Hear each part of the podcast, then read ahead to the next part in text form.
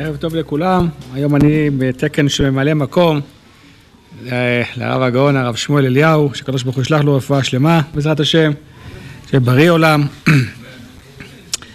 אלה המשפטים אשר תשים לפניהם.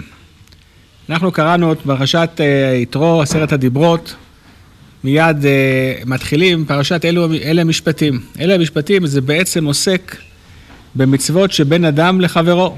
בין אדם לחברו, אלה המשפטים אשר תשים לפניהם, כי תקנה עבד עברי וכולי, דיני שור, דיני מזיק, דיני ניזק, איך משלם המזיק?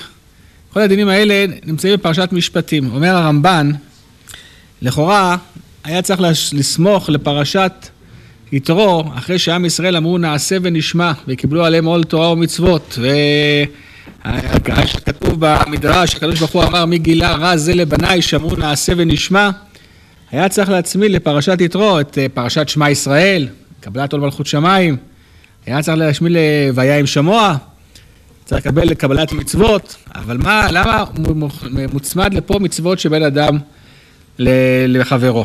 אומר הרמב"ן, הרמב"ן כבר עומד על זה, רוב הראשונים עומדים על הסמיכות הזאת של פרשת משפטים לפרשת יתרו. אומר הרמב"ן, ולמה הוא כנגד לא תחמוד, כי אם לא ידע האדם משפט הבית או השדה או שאר הממון יחשוב שהוא שלו, ויחמדהו ויקחהו לעצמו. לכן נתן הקדוש ברוך הוא דינין אחר עשרת הדיברות. וכן יפרש באלה המשפטים משפט העבודה זרה וכיבוד האב והרציחה והניאוף הנזכרים בעשרת הדיברות. אומרת, אומר הרמב"ן שבעצם הפרשה הזאת באה לפרש את המצוות שבין אדם לחברו שנמצאים בעשרת הדיברות. ולא תחמוד, אדם יחשוב, לא יודע אם זה ממון שלו לא ממון שלו, איך הוא ידע? לכן באה פרשת המשפטים להגיד מה שדה שלך, מה שדה לא שלך, כי אדם שלא ידע מה ההלכה אומרת, הוא יחמוד ממון של חברו. לכן באה התורה ופירשה את הדבר הזה. באמת, כתוב שאדם שאומר פותח את ידיך, הוא משביע לכל חי רצון, אם לא כיוון בפר... בדיבור הזה צריך לחזור. בפסוק הזה צריך לחזור. למה צריך לחזור? כי אם אדם יודע שהפרנסה מאיתו יתברך, מה זה פותח את ידיך? הכוונה שהקדוש ברוך הוא כביכול בשמיים פותח את היד ומשפיע לנו שפע, משפיע לנו ברכה. אז אם יודע, האדם יודע שכל הברכה מהקדוש ברוך הוא, אז מה, מה הטעם לגנוב? מה הטעם לדבר לשון הרע? מה, דבר, מה הטעם לקנות? מה הטעם לחמוד? אין שום טעם. אם זה שלי, שלי, ואם זה לא שלי, זה לא שלי. ואם הקדוש ברוך הוא קבע לי פרנסה, אז הוא ישלח לי את זה בדרך הטובה. למה ישלח את זה בדרך עקומה? למה אני אחמוד את ממון חברי? לכן אדם שלא אמר פותח את ידיך, ולא כיוון ופותח את ידיך, אומר הרמב"ן, זה העניין. התורה סיימה בעשרת הדיברות אמרה לא תחמוד. איך תדע מה הממון שלך, ממון, ממון שלא שלך? באה הפרשה ואמרה, אלו המשפטים אשר תעשו, תשים לפניהם, ובאה התורה ולימדה אותנו דרך בלדעת מה ממוני ומה מה לא ממוני. יש, הרב זצ"ל כותב על זה עוד דרך לפרש למה נצמדה פרשת משפטים לפרשת יתרו. דוד המלך אומר, מגיד דבריו ליעקב, בפרק קמ"ז, מגיד דבריו ליעקב, חוקיו ומשפטם לישראל לא אסחל לכל גוי, ומשפטים בא לידעום, הללויה. זאת אומרת, החוקים והמשפטים נמצאים רק לעם ישראל. אין חוקים ומשפטים לגויים, אין דבר כזה. מה זה אין דבר כזה? או, תראו, לכל מדינה יש לה משרד המשפטים. אין, אין משרד, אין מדינה בלי משרד משפטים. למה, למה אומר דוד המלך, מגיד דבריו ליעקב, חוקיו ומשפטיו לישראל לא עשה חן לכל גו משפטים, בא לדום הללויה. אומר הרב זצ"ל, כוונה דוד המלך היא כזאת, בכל ארץ וארץ יש משפט, בכל ארץ וארץ יש חוקים. יש משפטים, אבל החוקים של אמריקה זה לא החוקים של קנדה. החוקים של קנדה זה לא של צרפת. וצרפת שונה מרוסיה, ורוסיה שונה מהודו, והודו שונה מאפריקה. כל מקום זה שונה. וגם תיקח את החוקים שנמצאים בצרפת, לפני 100 שנה היה חוקים אחרים. ולפני 50 שנה היה עוד חוקים אחרים. אותו דבר תסתכל, השם ירחם שהיה בגרמניה, כל 50 אה, שנה, 100 שנה יש שם חוקים אחרים, וכל לפני 500 שנה היה להם חוקים אחרים. החוקים משתנים לפי המקום ולפי הזמן. זאת אומרת, המשפטים והחוקים של הגויים זה לא קבוע, זה משתנה לפי העניין, לפי המקום, לפי הזמן. לעומת זה, המשפטים של התורה הם משפטים שהם קבועים. למה? כי הקדוש ברוך הוא הסתכל באורייתא וברא עלמא. הקדוש ברוך הוא הסתכל בתורה וברא את העולם. אז זה מה שאומר דוד המלך, מגיד דבריו ליעקב, חוקיו ומשפטיו לישראל. לעם ישראל קיבלו את החוקים והמשפטים שהם לא משתנים אף פעם, כי העולם, בסוס, הבסיס של העולם הוא על התורה הקדושה.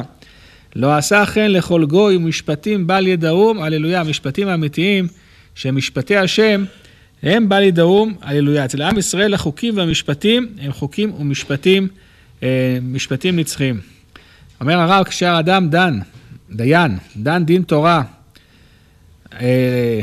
אז כתוב שהשכינה, השכינה ניצבת בדת אל, כתוב השכינה נמצבת על הדיין, הרב זצ"ל היה מקפיד שהיה יושב בבית הדין, היה יושב עם הכובע, כובע על ראשו, הוא היה מקפיד על זה בשעת הדיון לשבת עם הכובע. שאלו אותו החברים, הדיינים שלו, למה אתה יושב עם הכובע? אומר, כתוב ששכינה על ראשו של הדיין. אם השכינה נמצאת פה, אני צריך, כמו בתפילה, צריך לשים, לשים את הכובע, כמו, הקדוש ברוך הוא נמצא עליי. מה, אני צריך... בעשרת הדיברות, יש לנו חמש דיברות שהם בין אדם. למקום, וחמש דיברות שבין אדם לחברו. באו חז"ל, באה התורה ולמד אותנו, שכל הדיברות שבין אדם לחברו, זה לא כמו משפטי הגויים שהם משתנים לפי המקום והזמן. גם הדיברות שבין אדם לחברו, הקדוש ברוך הוא נתן אותם למשה מסיני. הם לא משתנים, לא תגנוב, לא תרצח, לא תחמוד. דע לך, באה התורה מתחילה מיד אלה המשפטים. לא תחמוד, תדע מה שלך, מה ממונך ומה לא ממונך, שגם המשפטים של הקניינים, של המזיקים, כל מה שמתחילה פרשת משפטים, הם גם מהקדוש ברוך הוא. הם משפטים, משפטי השם.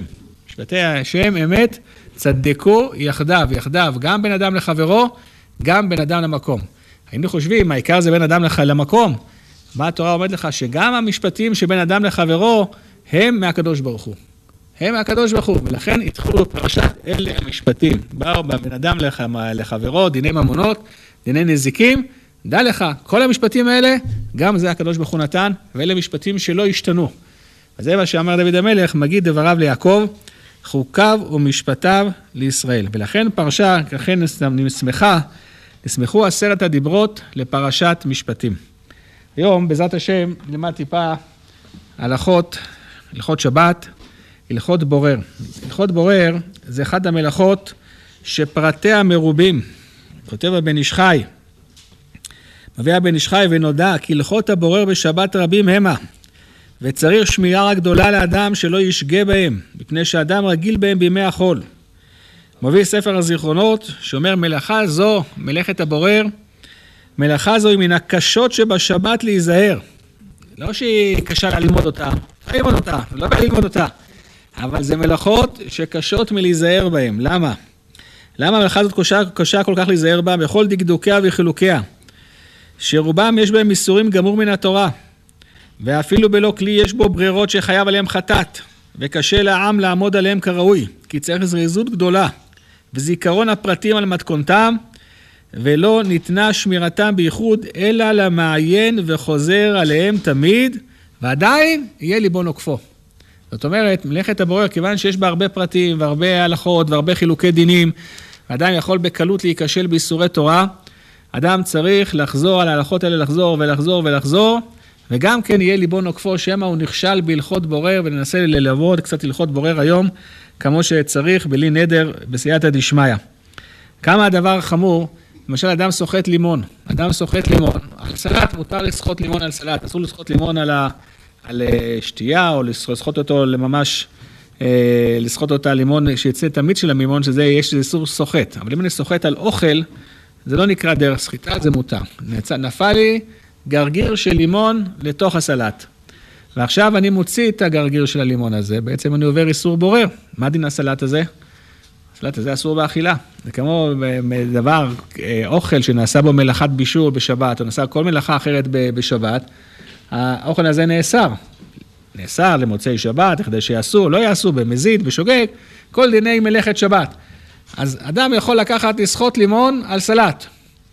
והוא לא שם לב, נפל על הגרגיר, הוא רואה את הגרגיר, הוא באופן טבעי מרים את הגרגיר שיש מה, של הלימון מהסלט, עבר איסור בורר.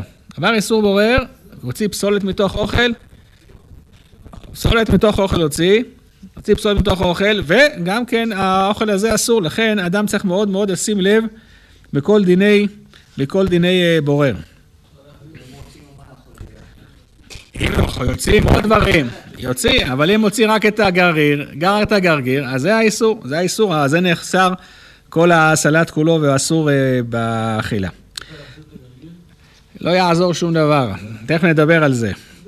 אומר, אה, נגבה כמה מושגים קטנים בדיני בורר כדי להיכנס לעניין. דבר ראשון, מה זה פעולת ברירה?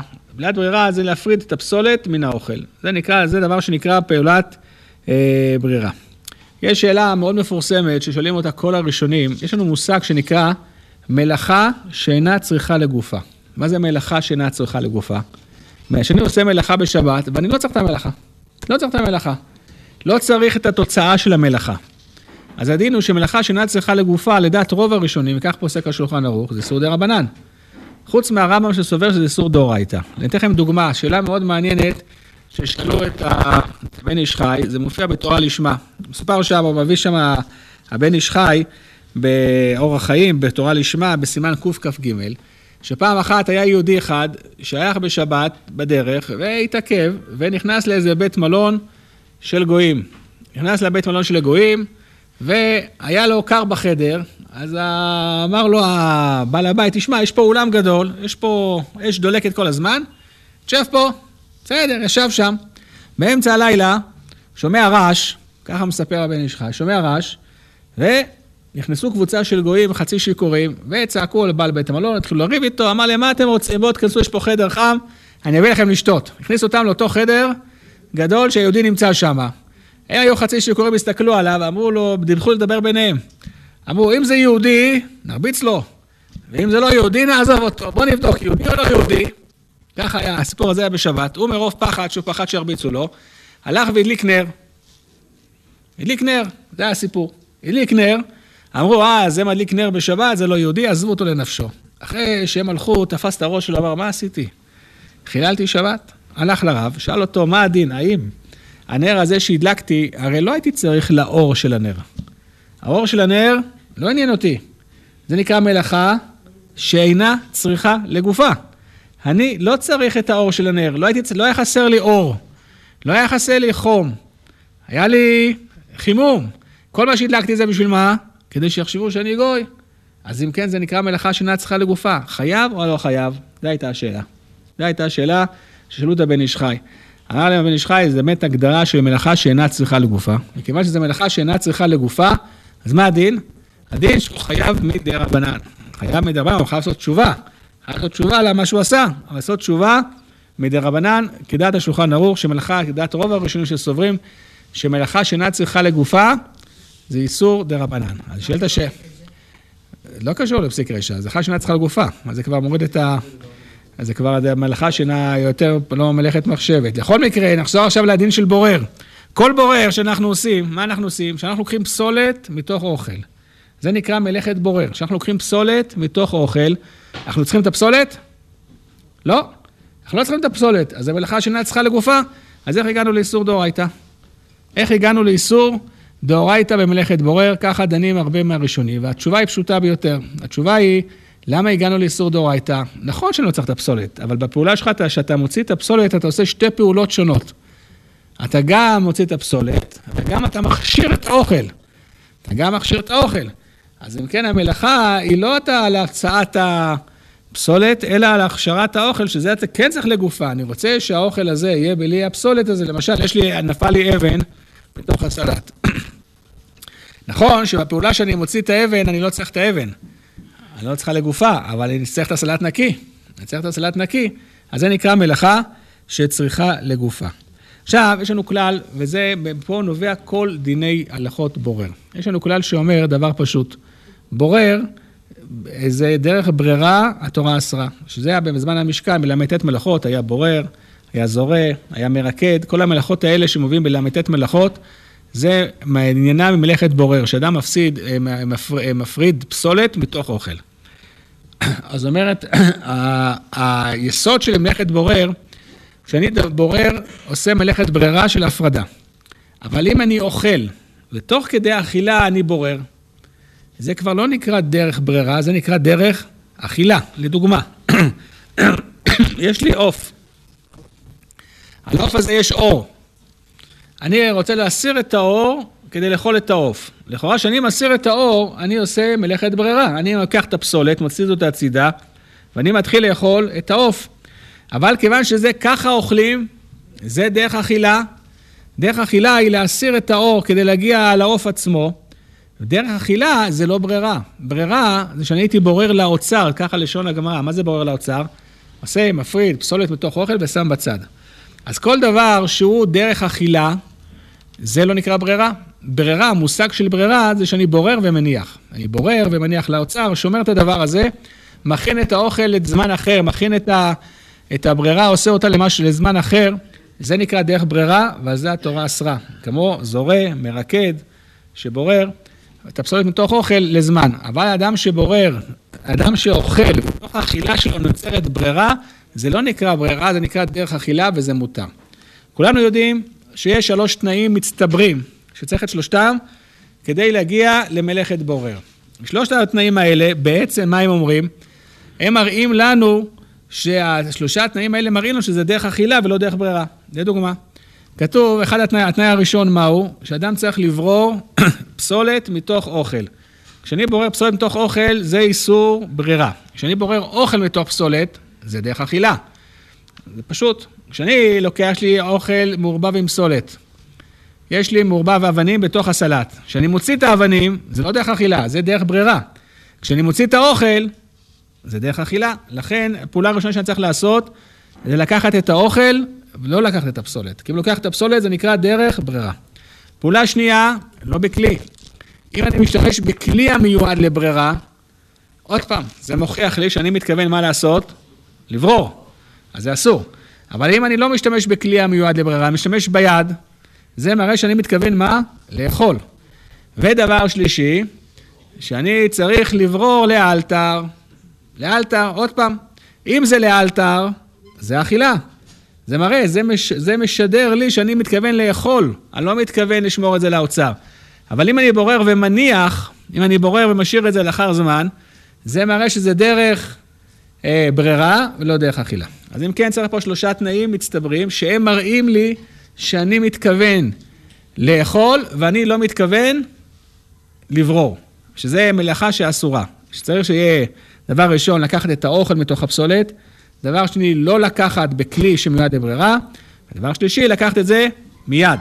אני רוצה לאכול את זה מיד, זה מראה כל השלושה התנאים המצטברים האלה בבת אחת, שאני מתכוון דרך אכילה ולא דרך ברירה, ואז באמת מותר לי לאכול את, ה... את הפרי הזה וכדומה. מה זה נקרא לאלתר? לאלתר, אומר הבן איש חי, אני אקרא לכם לשון הבן איש חי, ואם בורר לסעודה שמתחיל בה אחר פחות משעה, מותר. אף על פי שהסעודה שאוכל בה נמשכת אכילתו בה הרבה שעות, מותר. מה פירוש הדבר? אני הכנתי סלט ועשיתי מלאכת ברירה, הכוונה שלקחתי, בררתי אוכל מתוך פסולת, לא בכלי, אבל זה עוד שעה יהיה הסעודה, עוד שעה תהיה הסעודה. אם זה תוך שעה, זה נקרא לאלתר. למה? בדרך כלל, כשמכינים אוכל ביום שבשבת, לפני שמכינים את האוכל של השבת בבוקר, לוקח זמן להכין את הסלטים, לוקח זמן, לא מכינים ואוכלים באותו רגע, מכינים ושמים על השולחן, זה נקרא דרך אכילה. אומר הרב זצ"ל, אם אדם יש לו שבע ברכות, יש שם מאה איש, מאה איש, אז לוקח להכין את הסלטים כמה זמן?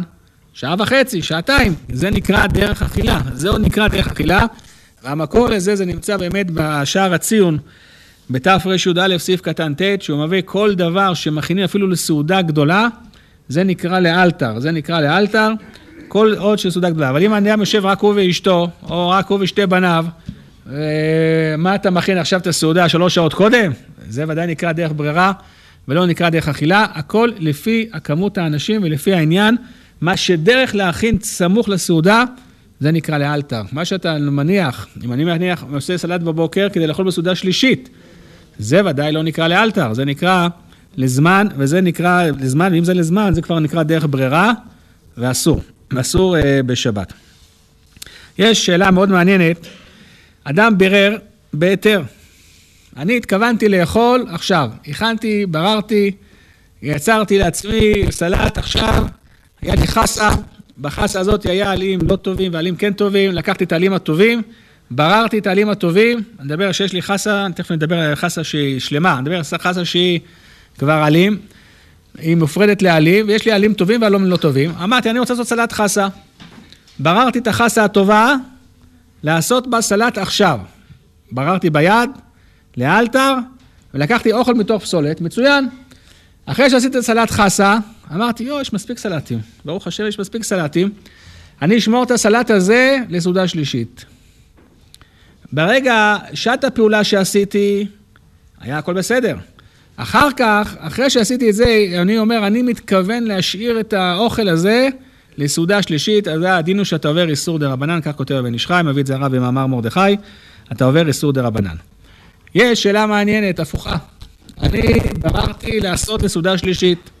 לקחתי חסה, אותו חסה, שיש בה גם עלים טובים, גם עלים מפורפשים, שנמצאים ביחד על השולחן, מופרדים כבר. ואני לוקח את החסה הטובה וביד, ומתכוון, אני נמצא בבוקר, שבת בבוקר, מתכוון להשתמש בסלט הזה לסעודה שלישית. זה לא בסדר, זה לא נקרא לאלתר, לכאורה עברתי איסור ברירה. אחר כך, אחרי שאכלתי את הסלט, בא אחד מבני הבית, אמר, מה אתה עושה? מה אתה עושה? זה נקרא ברירה. אתה מתכוון לאחר זמן.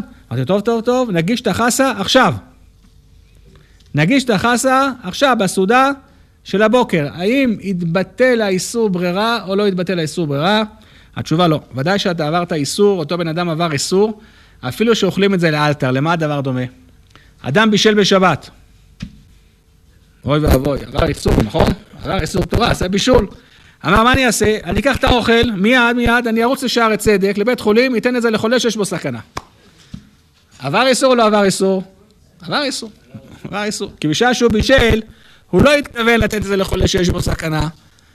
הוא התכוון לצורך, לצורך עצמו. אז יש בזה איסור מבשל. החולה אוהב את האוכל הזה. הוא יודע שהחולה הזה אוהב את האוכל הזה, רץ לתת לו את האוכל הזה. לא יעזור שום דבר, כי בשעה שהוא בישל, באותו רגע הוא לא התכוון לשם חולה. מלאכת מחשבת עשרה תורה. אז עבר איסור. אפילו שבסופו של דבר אכל את זה חולה, את האוכל הזה, לא יעזור שום דבר. אותו דבר ככה, אדם לקח חסה ביד, אבל הוא התכוון, ולקח אוכל מתוך פסולת, אבל הוא התכוון, הוא היה בבוקר, בשבת בבוקר, התכוון לשם סעודה שלישית. זה לא נקרא לאלתר, הוא כבר עבר איסור. עכשיו הוא אומר, רגע, רגע, רגע, רגע, רגע, לא נקרא לאלתר, עכשיו אני חוזר בתשובה ואוכל את הסלט חסה הזה. עכשיו בסעודת בוקר, לא יעזור שום דבר, כיוון שכבר נעשה איסור. כיוון שנעשה איסור, אז הדין הוא שהעבר איסור תורה לא יעיל שום שינוי מחשבה פה, לא יעזור שום שינוי אה, אה, מחשבה. עכשיו, השאלה הנשאלת היא כזאתי, האם אני מותר לי להכין סלט חסה, אותו סלט חסה שדיברנו עליו בבוקר, אני רוצה לעשות סלט חסה גם לסעודת בוקר וגם לסעודת, סעודה שלישית. אני רוצה להכין הרבה, כמות גדולה של אוכל, אני בורר אוכל מתוך פסולת, כמות גדולה, מתוך מחשבה שאני רוצה להשאיר חלק מהכמות הזו להשתמש לאחר זמן. גם כן זה אסור. למה? כי אתה חלק מה, מהמלאכת הברירה שלך היא מלאכת ברירה ולא מלאכת אכילה. כיוון שאתה מתכוון במודע להשאיר לאחר זמן, אז אתה מתכוון לעשות מלאכת ברירה. אז 50% מהדרך שלך שעשית פה, זה הייתה דרך אכילה כי זה לאלתר, אבל 50% היה לאחר זמן, כיוון שזה היה לאחר זמן, אז זה אסור. עכשיו, יש שאלה מאוד מעניינת שמביא הרב פעלים. הוא אומר, אדם מגיע לו, הולכים לבקר אותו. הוא יודע שהבן אדם הזה אוכל, לדוגמה, חמש בוטנים. זהו. חמישה בוטנים, חמש בוטנים הוא אוכל, כן? זה מה שהוא אוכל בסופו של דבר. עכשיו, הוא מגיש לו, יש לו צלחת מלאה פיסטוקים, בוטנים ו- ו- וגרעינים. הוא יודע שהוא לא אוהב לא פיסטוקים ולא גרעינים, הוא אוכל רק בוטנים. אז הוא בורר עכשיו את הבוטנים לשים לו. כן, זה בסדר, אוכל מתוך פסולת, כי הוא לא רוצה את הפיסטוקים ואת הגרעינים, לאלתר להגיש לאורח שלו. אבל זה יפה להגיש לאורח צלחת עם, חמש, אה, עם חמישה בוטנים? אה, מה יגידו עליו? צריך להגיש לו צלחת מלאה. האם מותר לי לברור צלחת מלאה, להגיש לאורחים, אף על פי שאני יודע שבפועל יאכלו מתוך הצלחת הזאת 10 אחוז, 10 אחוז יאכלו מתוך זה. אסור. אומר הרב פעלים, כך כותב הבן איש חי, כך גם מביא הרב להלכה פה במאמר מרדכי, בהלכות בורר, בפרק צ"ד, הוא כותב שמותר. למה? כי זה נקרא דרך אכילה. עוד פעם, מה זה דרך אכילה? מה ההגדרה של דרך אכילה? איך בני אדם נוהגים לאכול, רגילים לאכול. אם ככה אנשים רגילים לאכול, ככה אנשים רגילים להגיש את הצלחת, להגיש צלחת מלאה, כי זה לא מכובד להגיש צלחת אה, אה, חצי ריקה, אז זה הדרך אכילה. אם זאת דרך אכילה, אז זה נקרא דרך אכילה ומותר לעשות בשבת. כל מה שניכר מתוך מעשיך שאתה מתכוון להניח לאחר זמן, זה נקרא דרך ברירה. זה נקרא דרך ברירה, אז באמת הדין הוא ש... שאסור לעשות את זה. יש לנו עוד כלל שאומר, כל, אמרנו שדבר ברירה ביד זה דרך ברירה. מה הדין ברירה במזלג? מזלג זה כלי, נכון? האם מזלג זה הגדרה של יד? יש בזה מחלוקת בין האחרונים. משנה ברורה, יש בזה כמה דעות בדעת המשנה ברורה. דעת הרב זצ"ל שמזלג זה נקרא דרך אכילה. מזלג זה לא נקרא כלי שמיועד לברירה, מזלג זה נקרא כלי שמיועד לאכילה. ואפילו שאתה, תוך כדי שאתה לוקח במזלג, אתה, אתה לוקח אוכל מתוך פסולת. אם אני מגדיר את המזלג ככלי שמיועד לברירה, אז אסור לקחת מאוכל מתוך פסולת. כי זה כלי, זה בכלי. אבל כיוון שמזלג זה נקרא דרך אכילה, אין עם זה שום אה, בעיה. אבל באמת, יש כלים במטבח, שאנחנו אפילו לא שמים לב אליהם, שממש ממש ממש כלי, כלים המיועדים לברירה. לדוגמה, אתן לכם דוגמה פשוטה. אדם יש לו קנקן של מים. בקנקנים של מים למעלה יש כזה מכסה, במכסה יש כמה שיניים כאלה, נכון? עכשיו, אז אם יש לי מים בתוך הקנקן הזה, אין שום בעיה. מה הבעיה? הכל בסדר גמור. אבל אם יש לי קרח, אז בשביל מה השיניים האלה מיועדות בעצם? לסנן, לסנן שהקרח יישאר בפנים. אז אם כן, זה כלי שמיועד לברירה. זה כלי שמיועד לברירה. כיוון שזה כלי שמיועד לברירה, יש לנו בעיה בזה להשתמש בשבת. מה צריך לעשות? או לסובב, להשאיר את זה במקום הפתוח, או להוציא אותו בכלל. או למשל, אדם יש לו טיון, מה שנקרא. בתוך הטיון יש כזה, היום מזכוכית, יש כזה כלי אה, מנירוסטה בפנים, ששמים בפנים את הרשת כזאת. שמים בפנים את העלי תה, או שמים שם אה, שקיות תה, לא משנה מה, מה שיהיה, והמים נמצאים מבחוץ. הכלי הזה, מה הוא מיועד? נכנס למים בפנים, ואני מסנן דרכו את המים. אני מסנן את דרכו את המים, כותב הבן איש חי ושם בבית מנוחה, וקרוב הוא לאיסור חטאת. וקרוב הוא לאיסור חטאת, כי זה כלי שמיועד לברירה. זה, הכלי הזה מיועד לברירה. גם כן אומר הרב זצ"ל, דעת הרב, לגבי קולפן. קולפן, מה הקולפן? מה מטרתו של הקולפן? יש לי מלפפון, אני רוצה לקלוף אותו. אפילו אני קולף אותו עם חתיכת אה, מלפפון שראוי לאכילה. אין בן אדם שיאכל את הקליפה עם המלפפון הזה. אם הוא לא רוצה את הקליפה, קליפה של גזר. הוא לא רוצה את הקליפה של גזר הזה. אז הקולפן הזה, מה התפקיד שלו בעצם? זה כלי שמיועד לברירה. זה כלי שמיועד לברירה, אז גם ביום טוב וגם בשבת אסור להשתמש בקולפן, בקולפן הזה. אבל כמובן שמותר לך לקלוף, לקלוף את ה... את ה... עם סכין רגיל, כי סכין זה לא כלי שמיועד לברירה, כמו שהגדרנו שסכין ומזלג הם כלי אכילה, הם לא כלי ברירה, ומותר להשתמש בהם. בשבת מותר לך לקלוף, כיוון שזה לא כלי שמיועד לברירה. אבל קולפן, כל מטרתו וכל ייעודו הוא מיועד בשביל מה? לקלוף את הפסולת מתוך האוכל, להוציא את הפסולת מתוך האוכל, לברור את הפסולת מתוך האוכל, אז זה ממש כלי שמיועד לברירה. מה הדין אם יש לי מאותו המין כמה סוגי חתיכות? כמה חתיכות מאותו המין, לדוגמה, אתן לכם דוגמה מאוד מעניינת. אדם, אומר הרמה, מה הדין אם יש לי דגים גדולים וקטנים? יש לי דגים גדולים וקטנים בקערה, ואני עכשיו רוצה להגיש דגים בשולחן שבת, רק את הדגים הגדולים. לא רוצה את הדגים מהחתיכות הקטנות, זה לא מכובד.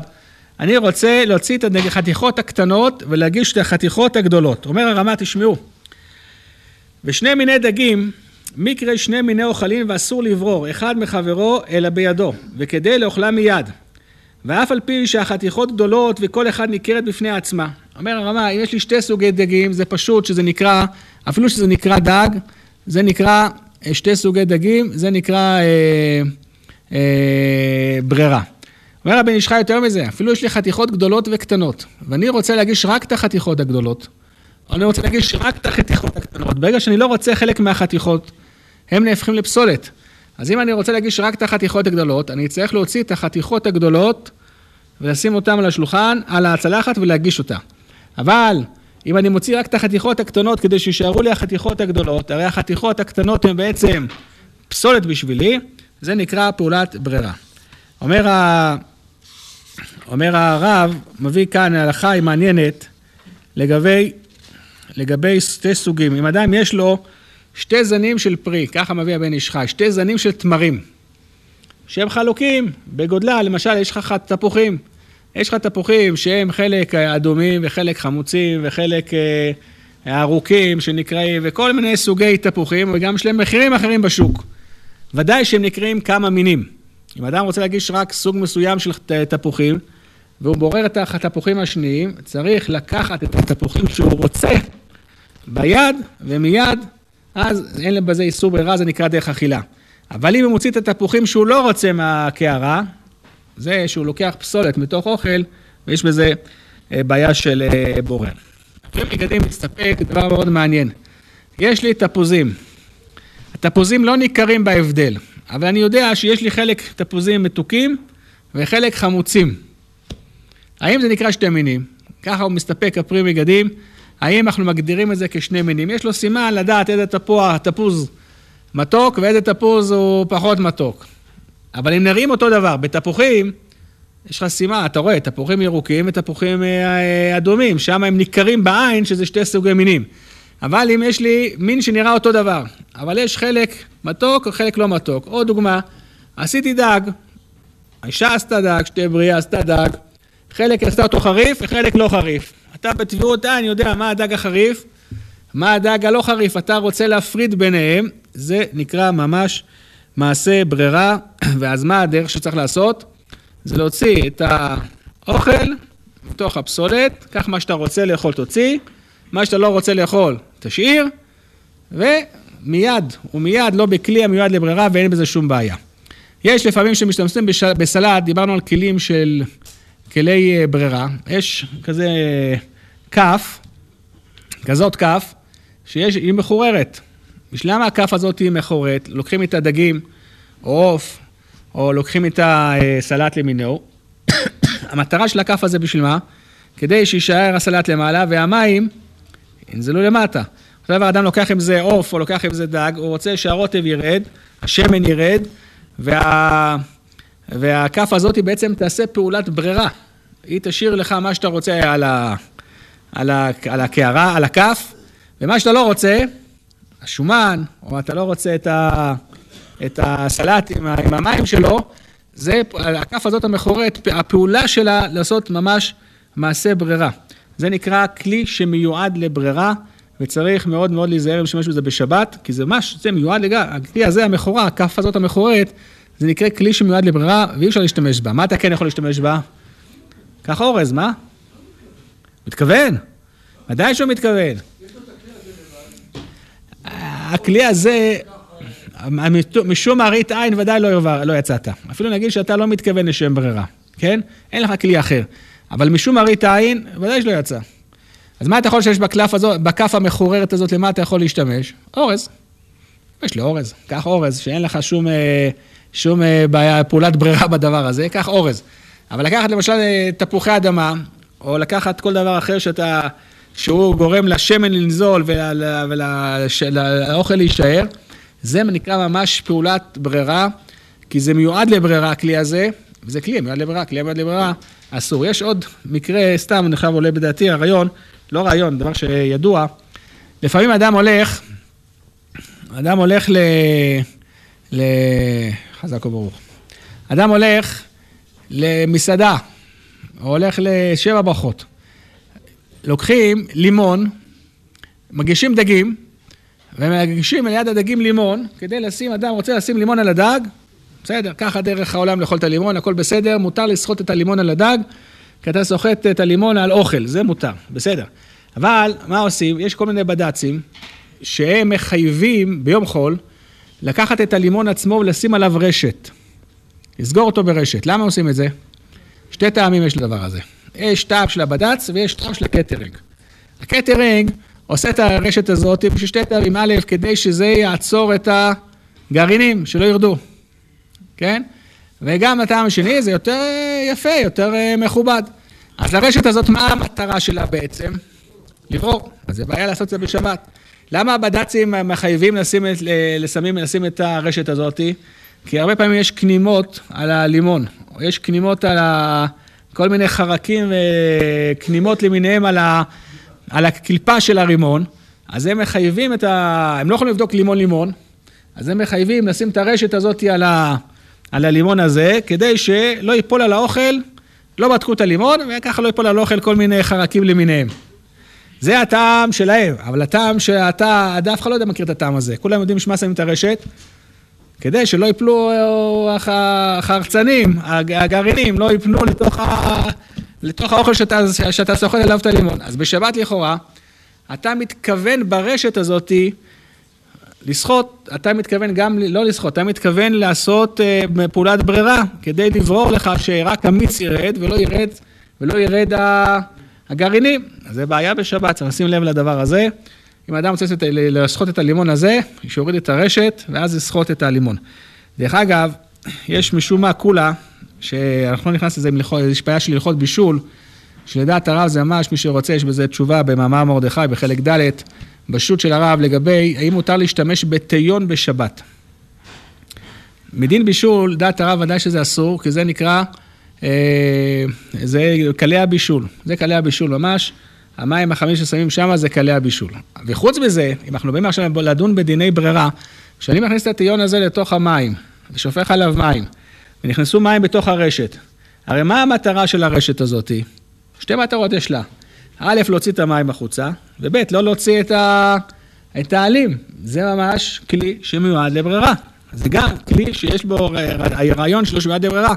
ודאי שאין אפשרות להשתמש בטיון הזה בשבת. מה דרך אכילה? בכלי שמיועד לברירה אין דרך אכילה.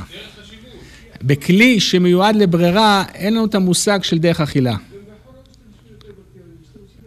בסדר, אז אני אומר, אבל השקית הזאת המחוררת, אחת המטרות שלה היא מה? לברור שלא יצא העלים. הרי אנחנו אמרנו שאם אחד משלושת התנאים לא מתקיים, אז זה נהפך לדרך ברירה. כל מה שהתארנו לך, שלושת התנאים המצטברים ביחד, הם הופכים את זה לדרך אכילה. ברגע שאני משתמש בכלי שמיועד לברירה, זה כבר דרך ברירה, ואם זה דרך ברירה, זה המלאכה שהתורה אסרה. התורה אסרה, מלאכות ל"ט מלאכות, אחד מהם זה בורר, זה מלאכת, אה, מלאכת בורר, שזה דרך ברירה, שזה ברירה, בדרך אכילה התארנו את הדבר הזה. אדם שיש לו חסה, החסה הזאת, הוא מוציא אותה, כמובן שהוא קנה אותה נקייה מחרקים, אין לה שום בעיות, הכל לכתחילה, אין בעיות של שמיטות, מצע מנותק, חממות, הכל לכתחילה דלכתחילה. אחרי שאדם קנה את החסה הזאתי, הוא בא לאכול אותה, מוציא אותה מהשקית, הוא רואה שיש לה עלים מעופשים למעלה. עכשיו הוא רוצה להוציא את העלים המעופשים ולהגיע לעלים הטובים ולעשות מהם את הסלט שהוא רוצה לאכול, את החסה שהוא רוצה לאכול. האם זה נקרא דרך ברירה? אני בעצם מוציא פסולת לפני שאני מגיע לאוכל. אז אומר, הפוסקים, רוב הפוסקים פה לומדים, ככה הלכה למעשה, כך כותב גם בן איש וכך כותב הרב במאמר מרדכי. מותר לך להסיר את העלים המעופשים מהחסה, זה נקרא שאני מסיר את המניע, אני מסיר את הקליפה. זה כמו שאני, יש לי תפוז, ואני מוריד את הקליפה של התפוז כדי להגיע לתפוז, אני מסיר את הפסולת, אפילו שאני מסיר את הפסולת לפני שאני מגיע לאוכל, ואמרנו שאם אני לוקח את הפסולת לפני האוכל, זה נקרא דרך ברירה. כיוון שאין לי אפשרות אחרת, אני לא יכול לאכול תפוז בלי להסיר את הקליפה, זה הדרך האכילה שלו. זה כיוון, ש... כיוון שזה דרך אכילה, אין פה איסור בורא. וכמובן, נכון, שתפוז, כשאני מסיר את הקליפה שלו, צריך לאכול אותו מיד. אני לא יכול לקלף תפוזים ולהגיש אותם בסעודה שלישית ואני נמצא בבוקר. כי הסרת הקליפה, ואם אני משאיר את זה לא לאלתר, זה נקרא דרך ברירה ולא דרך אכילה. אז כיוון שתפוז, כיוון שאין לי אפשרות אחרת, אלא להסיר את הקליפה, וככה כך להגיע לאוכל, זה נקרא, זה הופך את זה לדרך אכילה, ומותר בשבת, אותו דבר חסה, שיש לי עלים מעופשים מבחוץ, או כל דבר אחר, כל ירק שיש לי עלים מעופשים מבחוץ. ואין לי חובה לעקם את היד, כך כותב הבן איש חי, לעקם את היד ולהכניס לתוך החסה ולהוציא משם את העלים הנקיים. אלא דרך אכילה יהיה איך הוא? להסיר את העלים המלוכלכים שנמצאים בחוץ, המעופשים, ולהגיע לעלים הנקיים, כי זה נקרא דרך אכילה, וכיוון שאין לי אפשרות אחרת, וזה נקרא דרך אכילה, זה מותר בשבת לעשות את הדבר הזה. לכן, מותר לי לקחת גרעינים ולהוריד את הקליפות שלהם. מותר לי לקלף תפוח, ואני רוצה לאכול את התפוח, כל הדברים האלה, שאני מסיר את הקליפה כדי להגיע לאוכל, כי אין, ואין לי אפשרות אחרת, זה נקרא דרך אכילה. לדוגמה, יש לי אגוז. לקחתי את האגוזים, שברתי אותם, כן? אפילו במפצח אגוזים מותר לשבור את האגוזים, אין לי איתם שום בעיה. אפילו אם יש לי פטיש, יש לי אגוז קוקוס, אני רוצה לקחת פטיש, אפילו פטיש זה כלי שמלאכתו לאיסור, לצורך גופו ומקומו מותר. פה זה ממש לצורך גופו, אני צריך את הפטיש כדי לשבור את האגוז קוקוס, מותר לי בשבת. שברתי את האגוז קוקוס, שברתי את האגוזים, אז אני מסיר את הקליפה ומגיע לאגוז, בסדר, זה נקרא דרך אכילה. אבל אם שברתי הרבה אגוזים, יש לי בצלחת, לפעמים ככה מגישים, זה ככה יפה להגיש, אגוזים שבורים. אגוזים שבורים עם, ה... עם הקליפה ועם האוכל ועם האגוז עצמו. פה כבר אנחנו נכנסים לדיני ברירה. אתה רוצה לאכול? תיקח את האוכל מתוך הפסולת. אתה לא יכול לקחת עכשיו לפרק את ה... אם אתה מפרק את הקליפה ומגיע לאגוז, מצוין. אבל אם אתה, יש לך צלחת שמעורבב בה אגוזים, שבורים, חתיכות שבוע, חתיכות של קליפות וחתיכות אגוזים עצמם, מי שבעצם מעורבב פה פסולת ואוכל ביחד, באנו לידי ברירה. אם אתה מותר לך לאכול רק דרך אכילה, איך זה דרך אכילה? שלושת התנאים שאמרנו. לאלתר, ביד ומיד, אז מותר לך לקחת את האוכל מתוך אה, הפסולת ולאכול את האגוזים האלה. תוך שעה מותר לך להכין, כותב הבן איש חי, עד שעה מותר לך להכין את, ה, את האוכל הזה. דבר נוסף, שאדם צריך אה, לשים לב עליו בדיני אוכל, בהגדרות של אוכל ופסולת. כשאנחנו מגדירים אוכל ופסולת בדיני בורר, אנחנו צריכים להגדיר את זה בשני, זה דבר שתלוי בבן אדם עצמו. זאת אומרת, אני, יש לי פיסטוקים ושקדים, ואני לא רוצה לאכול פיסטוקים. אפילו שהפיסטוקים הם טובים, אני רוצה לאכול את הפיסטוקים בסעודה שלישית, לא בסעודה ראשונה או שנייה. אני רוצה להסיר את הפיסטוקים כרגע, אפילו שהפיסטוקים ראויים לאכילה, ואני רוצה לאכול אותם בסעודה שלישית, והכל טוב ויפה, זה נקרא כרגע פסולת. כיוון שאני לא רוצה, זה תלוי בדעתי, כיוון שכרגע אני לא רוצה את הפיסטוקים האלה, הם ההגדרה שלהם פסולת. אז אם אני רוצה לאכול אה, רק את, ה, את, ה, את השקדים, אני צריך להסיר את, לקחת את השקדים ולהשאיר את הפיסטוקים, זה לקחת את האוכל מתוך הפסולת, שאז זה נקרא דרך אכילה ולא דרך ברירה, ואז זה מותר uh, בשבת. יבוא האדם, יגיד, תראה, יש לי פה 20 פיסטוקים וחמישה וחמש שקדים, כן? אז יותר קל מה לקחת? את המעט, תעשה מה שנוח לך, תעשה מה שנוח, לב... לא מה שנוח לבריות, אלא מה שנוח לשמיים. אדם יעשה מה שנוח לשמיים, לא מה שיותר קל לו, לא. תמיד כדי לצאת מידי איסור ברירה ולעשות את זה דרך אכילה, ייקח את האוכל מתוך הפסולת, מה שהוא רוצה לאכול כרגע, זה מה שמותר לו לאכול. לכן אמרנו שמותר לאדם אה, לקלף את הקליפה, אם יש קליפה מותר לו לקלף, שזה נקרא דרך אכילה, אם יש קליפה לדבר הזה מותר לקלף אותה. יש מנהג חסידי חב"ד, מי שנוהג על פי פסקי האדמו"ר הזקן, הם לא אוכלים אה, דברים שיש איתם קליפות, כמו בוטנים וגרעינים. הם לא נוהגים לאכול את זה בשבת, כיוון שהם, לדעתם, אתה בעצם לוקח פסולת מתוך אוכל, שאתה מוציא את הקליפה, הם מחמירים בדבר הזה, אבל אנחנו, המנהג שלנו, הספרדים, כיוון שזה דרך אכילה וככה אוכלים את זה, מותר לך להוציא את הפסולת, כי אם הפסולת, אין לך דרך אפשרות אחרת להגיע לאוכל, רק על זה שתקלף את הקליפה, כמו תפוז, תפוח, וכל ה, מה שדיברנו, אה, גוזים, שקדים וכדומה, וכל הדברים האלה, מותר לך לקלף אותם ולהגיע לאוכל עצמו, כי זה נקרא דרך אכילה ולא דרך ברירה, וזה מותר בשבת. מה? כשאתה מוציא פסולת מתוך אוכל. כן, בסדר, המנהג שלנו ככה. יש עוד חילוק מעניין בין הספרדים לאשכנזים, איך אוכלים דגים. יש לנו כלל, אני, שזה נובע מהנקודה הזאת בדיוק. יש לי דג שיש בו עצמות. עכשיו, אני רוצה להוציא את העצמות ולאכול את הדג. בעצם אני מוציא פסולת מתוך אוכל. אמרנו שאדם שמוציא פסולת מתוך אוכל, מה זה נקרא?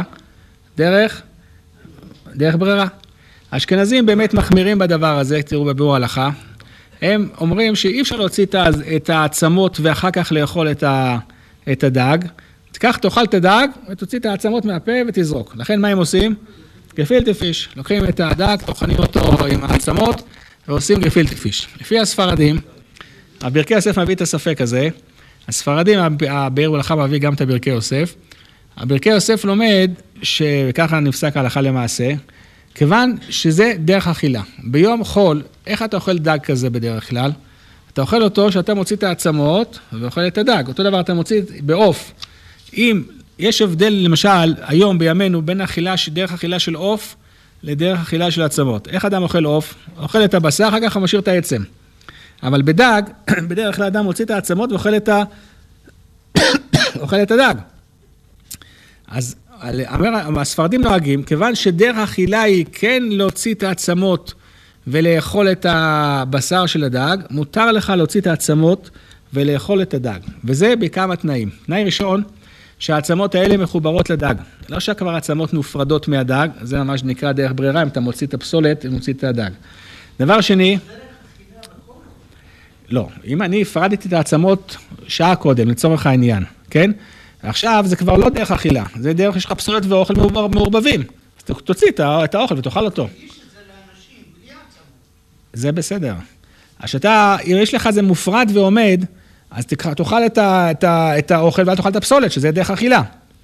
אבל כשזה מחובר לך, אז אתה כן מפריד. איך אתה אוכל במשך היום, במשך השבוע כולו, אתה כן מפריד. אתה מפריד, מוציא את העצמות ואוכל את הבשר, אז זה נקרא דרך אכילה. אז זה רק בעצמות שמחוברות. דבר שני, שכמה שככה דרך לאכול אותם ביום חול. ודבר דבר שלישי, אנחנו מדברים בעצמות שאתה אוכל אותם ממש, אתה מוציא ואוכל. זה לא שאתה מוציא ומניח. ואוכל את זה בעוד אה, עשר דקות או עוד רבע שעה. אתה מוציא ואוכל מיד. פה אין לך את ההיתר של השעה הזאתי. אנחנו אומרים שדרך אכילה היא ככה להוציא את העצמות ולאכול את הבשר מיד. ואנחנו מתייחסים לזה, כמו כשאנחנו מסירים את הקליפה, של אותו האור של העוף ואוכלים, כי זה דרך האכילה שלנו לאכול את העוף או לאכול, לאכול את התפוז, להסיר את הקליפה ולאכול. האשכנזים מחמירים בדבר הזה, והם אומרים, תאכל את הדג, תוציא את העצמות. תאכל כך אוכל ותוציא את הפסולת, או שעושים, אה, או שעושים אה, אה, גפילטה פיש, או שעושים גפילטה פיש. אותו דבר בראש של דג, אדם יש לו דג, שלם, הוא רוצה לאכול דג שלם, הגישו לו עכשיו דג שלם. הוא אומר, אני רוצה לחתוך את הזנב, להוציא אותו החוצה, לחתוך את הראש, להוציא אותו החוצה. הזנב והראש הזה, בעצם מה ההגדרה שלהם? פסולת. הם לא מפריעים לך לאכול. פה גם הספרדים יעשו לנו את הדבר כזה. הרי הזנב והדג, הראש והדג הזה, הם לא מפריעים לך בשעת האכילה. הם לא מפריעים לך כרגע בדרך האכילה. אתה, ואתה מתייחס אליהם כפסולת, כי אתה לא רוצה אותם לצורך העניין. אז אסור לך להסיר אותם מהדג, זה נקרא, זה לא, זה לא כמו קליפה, קליפה זה רק בגלל שאין לך אפשרות להגיע לאוכל, אז מותר לך להסיר את הקליפה של התפוז וכדומה.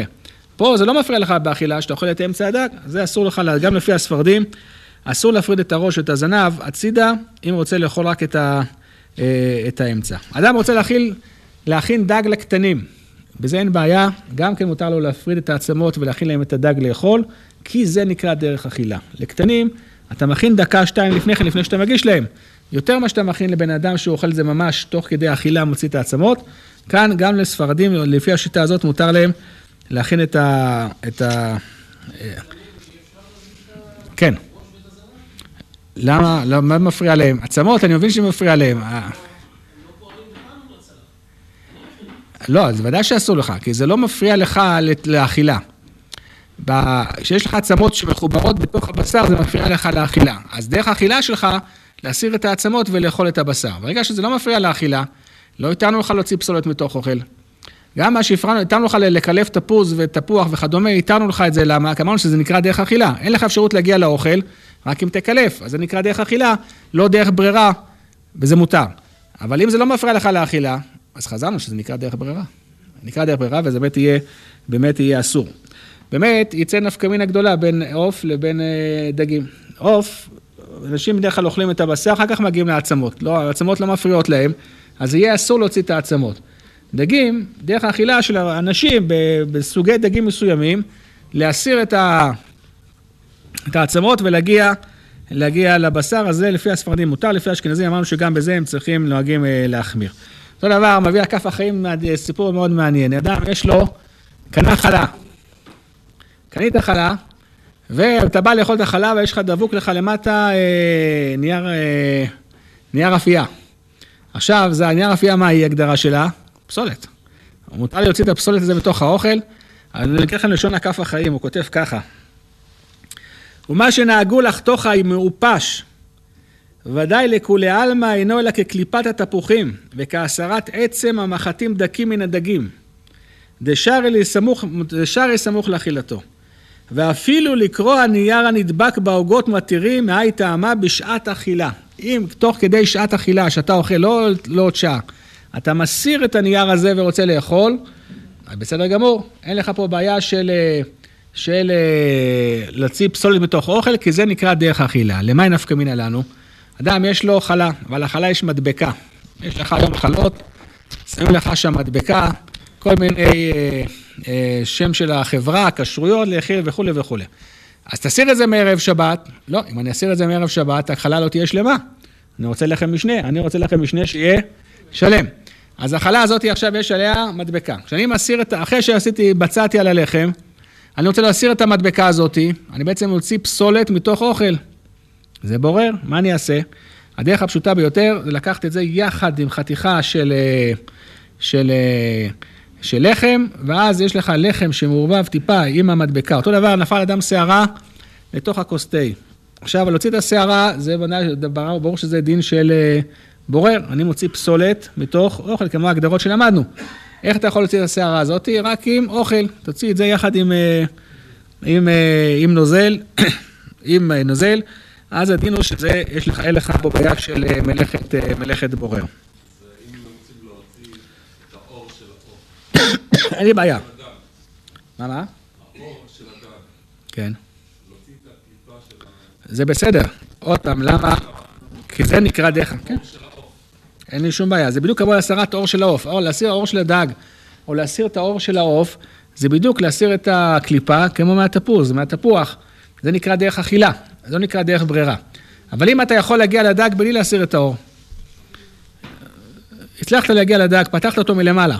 אתה לא צריך להפוך אותו עכשיו ולהסיר את האור, זה כבר לא דרך אכילה, זה כבר דרך ברירה. אם יש לך אפשרות להגיע לאוכל בלי הסרת הקליפה, אז זה, חזרנו לדיני שמותר לך לקחת אוכל בתוך פסולת ולא פסולת מתוך, מתוך אוכל. עכשיו, כל הדין הזה, שדיברנו עליו כרגע, צריך לשים לב הוא לא רק באוכלים, הוא גם כן ב, ב, בשאר דברים, בשאר דברים. לדוגמה, בבגדים, אדם יש לו סל כביסה. הוא רוצה לקחת מהכביסה, כביסה יבשה, הכל בסדר, מערב שבת, אין פה בעיה של שום מוקצה, הכל בסדר גמור. או אדם יש לו אה, חולצות, הוא רוצה לקחת חולצה מסוימת, והוא מסיר, אומר, את זה אני לא רוצה, ואת זה אני לא רוצה, ואת זה אני לא רוצה, אה, את זה אני רוצה, לוקח אותה. שהוא מסיר, את, מסיר בעצם את, החליפ, את החולצות השניים שהוא לא רוצה, הוא מסיר פסולת מתוך אוכל. מה שמותר לך לעשות, לקחת את מה שאתה רוצה. אוכל מתוך פסולת. כמו שיש דין ברירה באוכלין, יש דין ברירה בחפצים, בבגדים, בספרים. גם יש לך דין ברירה בספרים. או אדם למשל שטף את כל, ה... את כל הכלים של שבת, כל המזלגות, סכינים, מזלגות וכולי וכולי וכולי. ועכשיו הוא לוקח את הסכינים והמזלגות האלה, והוא רוצה לשים מזלג פה, סכין פה, זאת אומרת, לשים אותו ב, ב, במקום שלו, הוא מתחיל לברור רק את הסכינים, רק את המזלגות, הוא לא בורר את זה לאלתר, הוא בורר את זה לצורך סעודת מחר. זה נקרא בורר, ואסור, צריך לשים לב, כמו שיש בורר באוכלין, יש גם בורר בכלים, יש גם בורר בספרים, כן? יש גם בורר בספרים, צריך לשים לב. אז אדם יש לו מלא ספרים על השולחן, יש לו כף החיים, מאמר מרדכי, רמב"ם, שולחן ערוך, תיקח את הספר שאתה רוצה להחזיר לארון ותחזיר. הספר שאתה רוצה להחזיר לארון, תיקח כל ספר שאתה מרים, תחזיר אותו, אין לך בעיה של ברירה. אותו דבר שאתה רוצה לקחת ספר מסוים, אז מותר לך לקחת ספר, אבל אם יש לך מלא ספרים, אל תיקח את מה שאתה לא רוצה תשים בצד, תיקח את מה שאתה רוצה. אין שום בעיה. אם, אם אדם שולף את הבגד שהוא רוצה מתוך ערימת הבגדים, או שולף את הספר שהוא רוצה מתוך ערימת הספרים, זה אין לנו בעיה של ברירה. אם אדם מהספר שהוא רוצה מכוסה במלא ספרים, הבגד שהוא רוצה מכוסה במלא בגדים, אז הוא צריך להסיר את הבגדים שהוא לא רוצה להגיע לבגדים שהוא רוצה, להסיר את הספרים שהוא לא רוצה לספרים שהוא רוצה. זה כמו דין של תפוז אמרנו, מותר להסיר את הקליפה כדי להגיע לאוכל שאתה רוצה להגיע. אבל אם יש לך גם זה וגם זה, אסור לקחת את מה שאתה לא רוצה הצידה ולהגיע למה שאתה רוצה, אם אתה יכול להגיע לבגד או לספר או לכלים שאתה רוצה, יש לנו דיני ברירה גם בכלים וגם בבגדים, וזו הלכה מוסכמת. כן.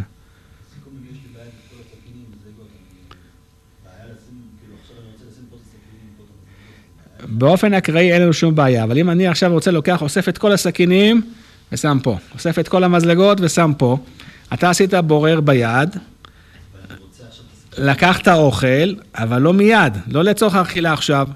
לקחת לצורך הסעודה של מה הבאה, זה נקרא בורר לאוצר. נכון. אבל אם אתה לוקח ספר, אתה רוצה לסדר את השולחן שלך. השולחן שלך, אתה לוקח את ה... אתה, יש בשולחן שלך מלא ספרים, כל ספר שאתה מרים, אתה יכול להחזיר אותו, כי לקחת את הספר, לא עשית ברירה. לקחת אותו באופן אקראי. אתה מחפש עכשיו את כל הכף החיים שיש לי פה, לחפש את זה ואת זה ואת זה ואת זה ואת זה, לוקח את כל הכף החיים, את כל המאמר מרדכי שיש לי, ואותם אני מחזיר. אתה בורר, בסדר, אבל זה לא לאלתר. הרב אמר פעם, זוכר שהיינו ילדים קטנים, הוא היה פעם אחת, אה, אה, אה, הוא ביקש ממני להחזיר איזה ספר, את השולחן ערוך, כבר לא זוכר איפה היה את השולחן ערוך, למקום שלו. החזרתי את השולחן ערוך למקום של הגמרות. טוב, אז מה עושים? אני חייב לקחת את השולחן ערוך מהמדף של הגמרות. מה עשיתי באותו רגע? פעולת ברירה, לקחתי כביכול, חס ושלום, פסולת, שאני לא רוצה אותה פה. אז מה צריך לעשות?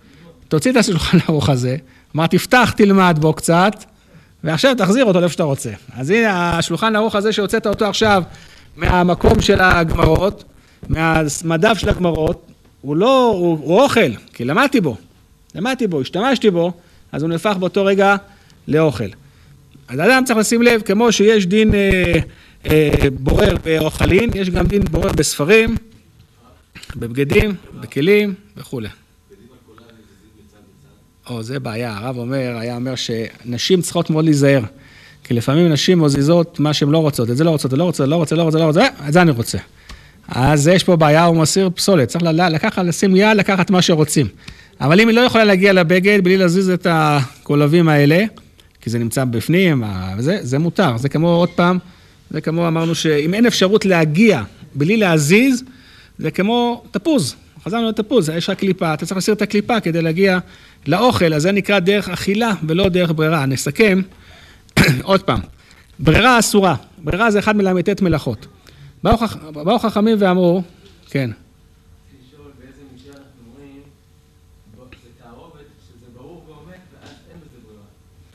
יש מחלוקת לגבי גדול וקטן לדוגמה. או אה, שזה נקרא אה, מבורר ועומד, כן? אם זה גדולים וקטנים מאוד, שזה ניכרים ממש, או שבולטים, בבולט. יש מהאחרונים שאומרים שדברים שהם בולטים החוצה, אין לנו בזה דין ברירה, כי זה כבר נפרד ועומד מעצמו. אבל כל תערובת שמעורבת ביחד, אפילו חתיכות גדולות, שנמצאים בתערובת, שצריך להפריד אותם, יש בזה בעיה של בורר. נסכם רק את ההלכות בורר לסיכום והלכה. יש, בורר זה אחד מל"ט מלאכות. המלאכות האלה נעשו במשכן, גם בורר וגם זורע וגם מרקד, כל המלאכות האלה נעשו במשכן, שלושה מלאכות שנמנים בל"ט מלאכות, שעניינם בורר. זה המלאכות שעשו במשכן. הבורר, דרכו זה לברור ולהניח לאוצר. באו חכמים ואמרו דבר מאוד פשוט. אם אני עושה דרך אכילה, אם אני בורר דרך אכילה, זה כבר לא נקרא ברירה, כי זה לא לאוצר, זה נקרא דרך אכילה. מה מוכיח לי שזה דרך אכילה וזה לא ברירה? שלושה תנאים מצטברים. א', שאני בורר ביד ולא בכלי. זה כבר מראה שאני לא מתכוון לברור, אני עושה את זה ביד ולא בכלי שמיועד לברירה. דבר שני, שאני לוקח את האוכל מתוך הפסולת. אז האוכל מתוך הפסולת זה לא דרך ברירה. אני לוקח את האוכל כי אני רוצה לאכול. זה נקרא דרך אכילה. זה עוד דבר שמראה לי שזה דרך אכילה. והדבר השלישי, שזה נקרא לאלתר, מיד. כשאני בורר לאכול תוך שעה, זה נקרא דרך אכילה ולא דרך ברירה. אבל אם אני בורר להניח יותר משעה, זה כבר נהפך לדרך ברירה, ואז באמת אסור. נחזור למה שהתחלנו בו. ההלכות האלה צריכים לחזור ולשנן אותם, כי ההלכות האלה כל כך הרבה, יש בהם הרבה פרטים.